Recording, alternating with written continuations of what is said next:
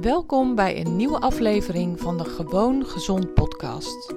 Ik ben Janine Oskam van Instituut Vite.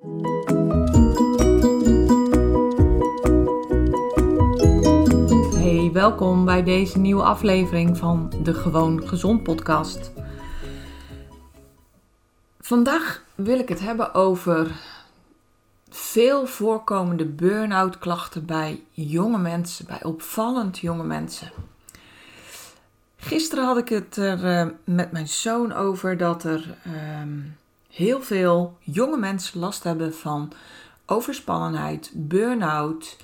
En hij vertelde me dat hij had gelezen in de krant, volgens mij, dat er uh, in Zweden um, 144% meen ik, rond die koers, hang me er niet aan op, meer burn-out uh, klachten zijn bij jonge mensen, echt jonge mensen, dan een aantal jaren geleden.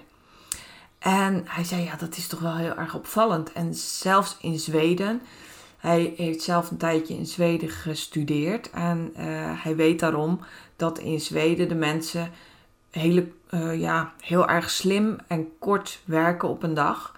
Ze zijn daar juist heel erg ingesteld op uh, efficiency en effectiviteit. En mensen hebben daar zelden een 40-urige werkweek, maar juist heel veel, uh, heel veel vaker korter dan 40 uur per week. Dus ja, hij zei van hoe kan het dan dat zoveel mensen kampen met, burn-out klachten? Nou, en toen raakten we daarover aan de praat. Want dat interesseert mij natuurlijk ook enorm. Ik verdiep me daar ook in. Ik sta daar ook bij stil. En um, we kregen het er dus over dat tegenwoordig jonge mensen zo verschrikkelijk veel dingen moeten. En dan vooral sociaal gezien zo verschrikkelijk veel dingen moeten. Ik bedoel, als we kijken naar uh, twee generaties terug. Dus de generatie van mijn ouders, voor hem twee generaties terug. Die hadden, die, die mensen moesten absoluut hard werken. Ik denk dat die fysiek harder moesten werken dan wij tegenwoordig gewend zijn. Maar die hadden veel minder ingewikkeld leven. Ik bedoel, daar werd niet van hen verwacht dat ze op WhatsApp eh, binnen een half uur antwoord sturen. Daar werd niet van hen verwacht dat ze een grote vriendenkring onderhielden.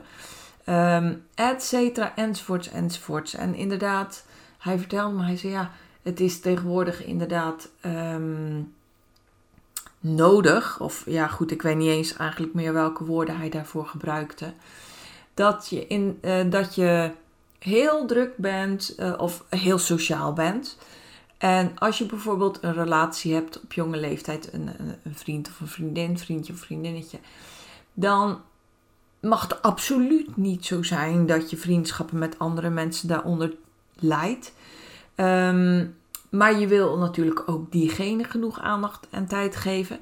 Je hebt ook nog je werk en of je studie waar je op moet focussen. Als je al studeert, dan is het natuurlijk ook nodig om in allerhande besturen te zitten. En uh, in die besturen is het dan ook nodig dat je meedoet met alle sociale activiteiten.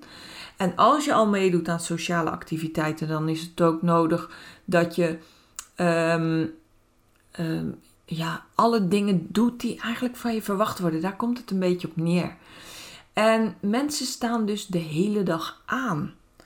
Uh, volgens mij is het zo, maar dat weet ik niet hoor. Maar uh, dat je zelfs ook s'nachts berichtjes kunt krijgen. En dat er min of meer van je verwacht wordt dat je ook daarop reageert. En dat is natuurlijk van de gekken. Eigenlijk zouden we onze jonge mensen moeten leren om wat meer afstand te nemen van die social media, van die verplichtingen, van al die sociale druk. En veel meer moeten leren om zichzelf te zijn. Om de rust op te zoeken zo nu en dan. Om gewoon die telefoon eens een dag uit te zetten. Om, ja, ik zou het heel waardevol vinden om jonge mensen te leren dat je misschien best, ja, dat, dat die telefoon een heel waardevol apparaat is, want dat vind ik ook. Maar dat je hem ook misschien s'avonds in de kast moet leggen op vliegtuigstand. Om gewoon uit moet zetten. En dat je ook niet al je mails binnen een uur beantwoord hoeft te hebben. En dat het ook niet nodig is dat je aan alle sociale activiteiten meedoet. En dat het ook niet nodig is om um, zoveel vrienden te hebben. En om, om dan ook met al die vrienden nog een innig contact te behouden. En als je een vriendje of vriendinnetje hebt, dan mag je daar natuurlijk meer tijd en aandacht aan besteden. En dan mag het zo zijn dat je andere vriendschappen wat minder intens worden. En dat komt dan op een later moment wel weer goed. Maar je kan als mens geen honderd dingen tegelijk, toch? En wat verwachten we tegenwoordig veel van onze jonge mensen? En wat verwachten ze veel van elkaar? En wij zijn als volwassenen maar zo tolerant om dat allemaal toe te laten. En wij zijn als volwassenen maar zo kortzichtig, zou ik bijna zeggen, om ze niet te vertellen dat er ook nog een andere manier is om hiermee om te gaan. Ik bedoel, als ik kijk naar mijn eigen jeugd, ik ben 48 jaar. Ehm, hoe lang heb ik een mobiele telefoon? Dan ga ik eens heel goed denken. Nou, ja, poeh, jeetje. Nou ja, laten we nou zeggen zo'n 20 jaar. Nou, nee, wel wat langer. 25 jaar. En voor die tijd, ik bedoel, vroeger uh, ging ik in de zomer op de fiets naar school. Wij woonden een aardig eindje van school af. Ik moest 20, 25 kilometer fietsen. Maar um, als ik een lekker band had, ja, dat was dan zo. Ik had dus zo altijd een bandenplaksetje bij. Want je kon onderweg echt niet je mobiel pakken en uh, bellen. En al had ik dat wel gekund, mijn moeder had geen rijbewijs en kon geen auto rijden. Dus ja, dan had ik daar nog gewoon gestaan en moest ik mezelf redden. Um, ik weet wel dat ik heel af en toe, of heel af en toe, ik zat dus op school uh, in een stad zo'n 20, 25 kilometer verderop. Dat betekende ook dat ik best ver van mijn vriendin afwoonde, van mijn beste vriendin. En uh, nou, af en toe belde ik met haar. En wij hadden zo'n telefoon uh, in de gang, die hing aan de muur. Gewoon nog met een snoer eraan. Dus je moest ten eerste moest je staan om te, om te telefoneren. We hadden er trouwens ook een in de woonkamer. En daar kon je wel bij zitten. Maar ik koos dan, weet ik, heel vaak voor die telefoon in de gang. En ik kon haar dan ja, zo af en toe eens bellen. Maar ik weet ook nog wel dat mijn moeder dan af en toe om mijn hoekje kwam kijken. Ze van, nou weet je, nu is het wel weer genoeg. Hè? Als ik dan een, nou, ik kan me zo voorstellen, een uur had gebeld. Dan kwam ze me echt zo'n waarschuwende blik geven van, uh, nou, wat denk je ervan? Het is weer wel genoeg. En als je kijkt hoe ongelooflijk veel minder bereikbaar we toen waren. En uh, ja, daar werd ook niet van je verwacht. Ik had, ik had best wel wat vrienden op school. Ik had niet, eigenlijk geen vrienden in het dorp waar ik woonde. Dus al mijn vriendschappen waren ver weg. En ik zag die mensen dus op school. Het was wel zo dat ik um, altijd wat langer op school bleef. Juist om met die mensen te kunnen hangen, weet je wel. Um, maar dat was het dan. En in het weekend ik bleef wel eens bij mijn vriendin logeren. Maar voor de rest had je geen contact in het weekend. Nu wil ik helemaal niet als een oude zeurkous overkomen en zeggen dat dat dan zulke fantastische tijden waren. Nee, maar als ik denk aan het brein van onze jonge mensen, wat een druk staat erop. Ze zijn ook altijd video's aan het kijken op YouTube. Van s morgens vroeg tot s avonds laat vullen ze hun tijd met het kijken van filmpjes. Uh, op social media, op YouTube, overal. Als je weet wat een impact filmpjes op je brein hebben. Het is ongelooflijk druk voor je hersenen om al die prikkels te kunnen verwerken. Dus kan je nagaan hoe ongelooflijk druk het brein van onze jongeren het heeft. En nou ja, als ik heel eerlijk ben, maak ik me daar ook best wel zorgen om. Ik denk, waar moet dat heen? Waar moet dat naartoe? Tegenwoordig hebben hele jonge kinderen al elektronica. En daar ben ik echt eigenlijk helemaal niet op tegen. Maar ik denk dat er een moment moet komen om dat te doseren. Want anders dan raken al die jonge mensen helemaal opgebrand. Letterlijk opgebrand van alle dingen die er van ze verwacht wordt. Van de enorme druk die er op hun schouders rust. En om nog maar te zwijgen van ehm, ja, de druk die er op het brein rust, op onze hersenen. En weet je, als mens zijn we, ons menselijk lichaam is enorm knap en is in staat om zich aan te passen. Evolutie heet dat. Dus je ziet heel langzaamaan je lichaam veranderen, uh, zich aanpassen aan de omstandigheden. Maar ons lichaam is nooit, nooit, nooit niet in staat om zo snel te veranderen dat je in enkele jaren tijd een compleet nieuw brein hebt die overal um, mee uit de weg kan. Hè? Die, die dit kan verwerken, die dit aan kan. Dat is onmogelijk. Je lichaam is tot heel veel in staat, maar de snelheid waarmee nu de veranderingen er zijn, dat is echt onmogelijk om uh, voor het menselijk lichaam om zich daaraan aan te passen.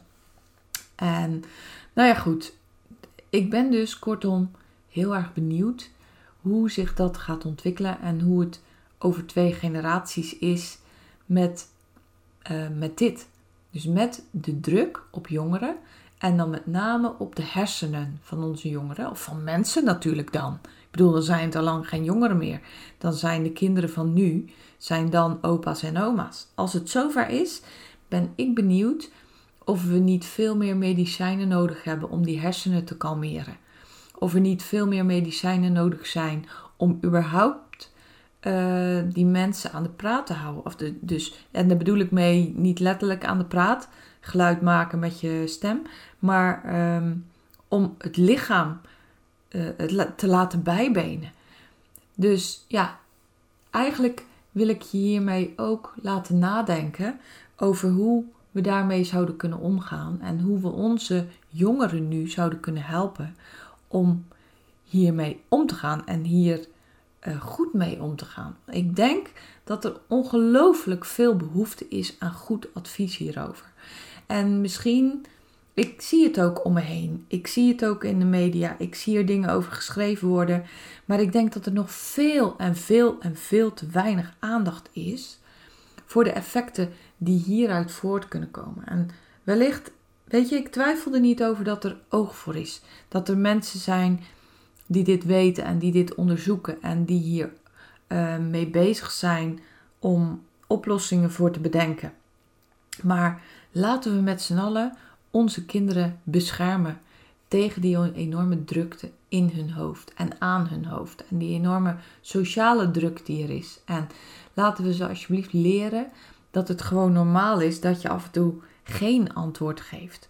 Dat het normaal is dat je een paar uur uit de lucht bent. En dat we ze ook leren om dat te doen en hoe ze dat kunnen doen. En dat we ze leren dat ze aan mensen die dat wel van hun verlangen en verwachten, moeten uitleggen dat zij daar anders mee omgaan.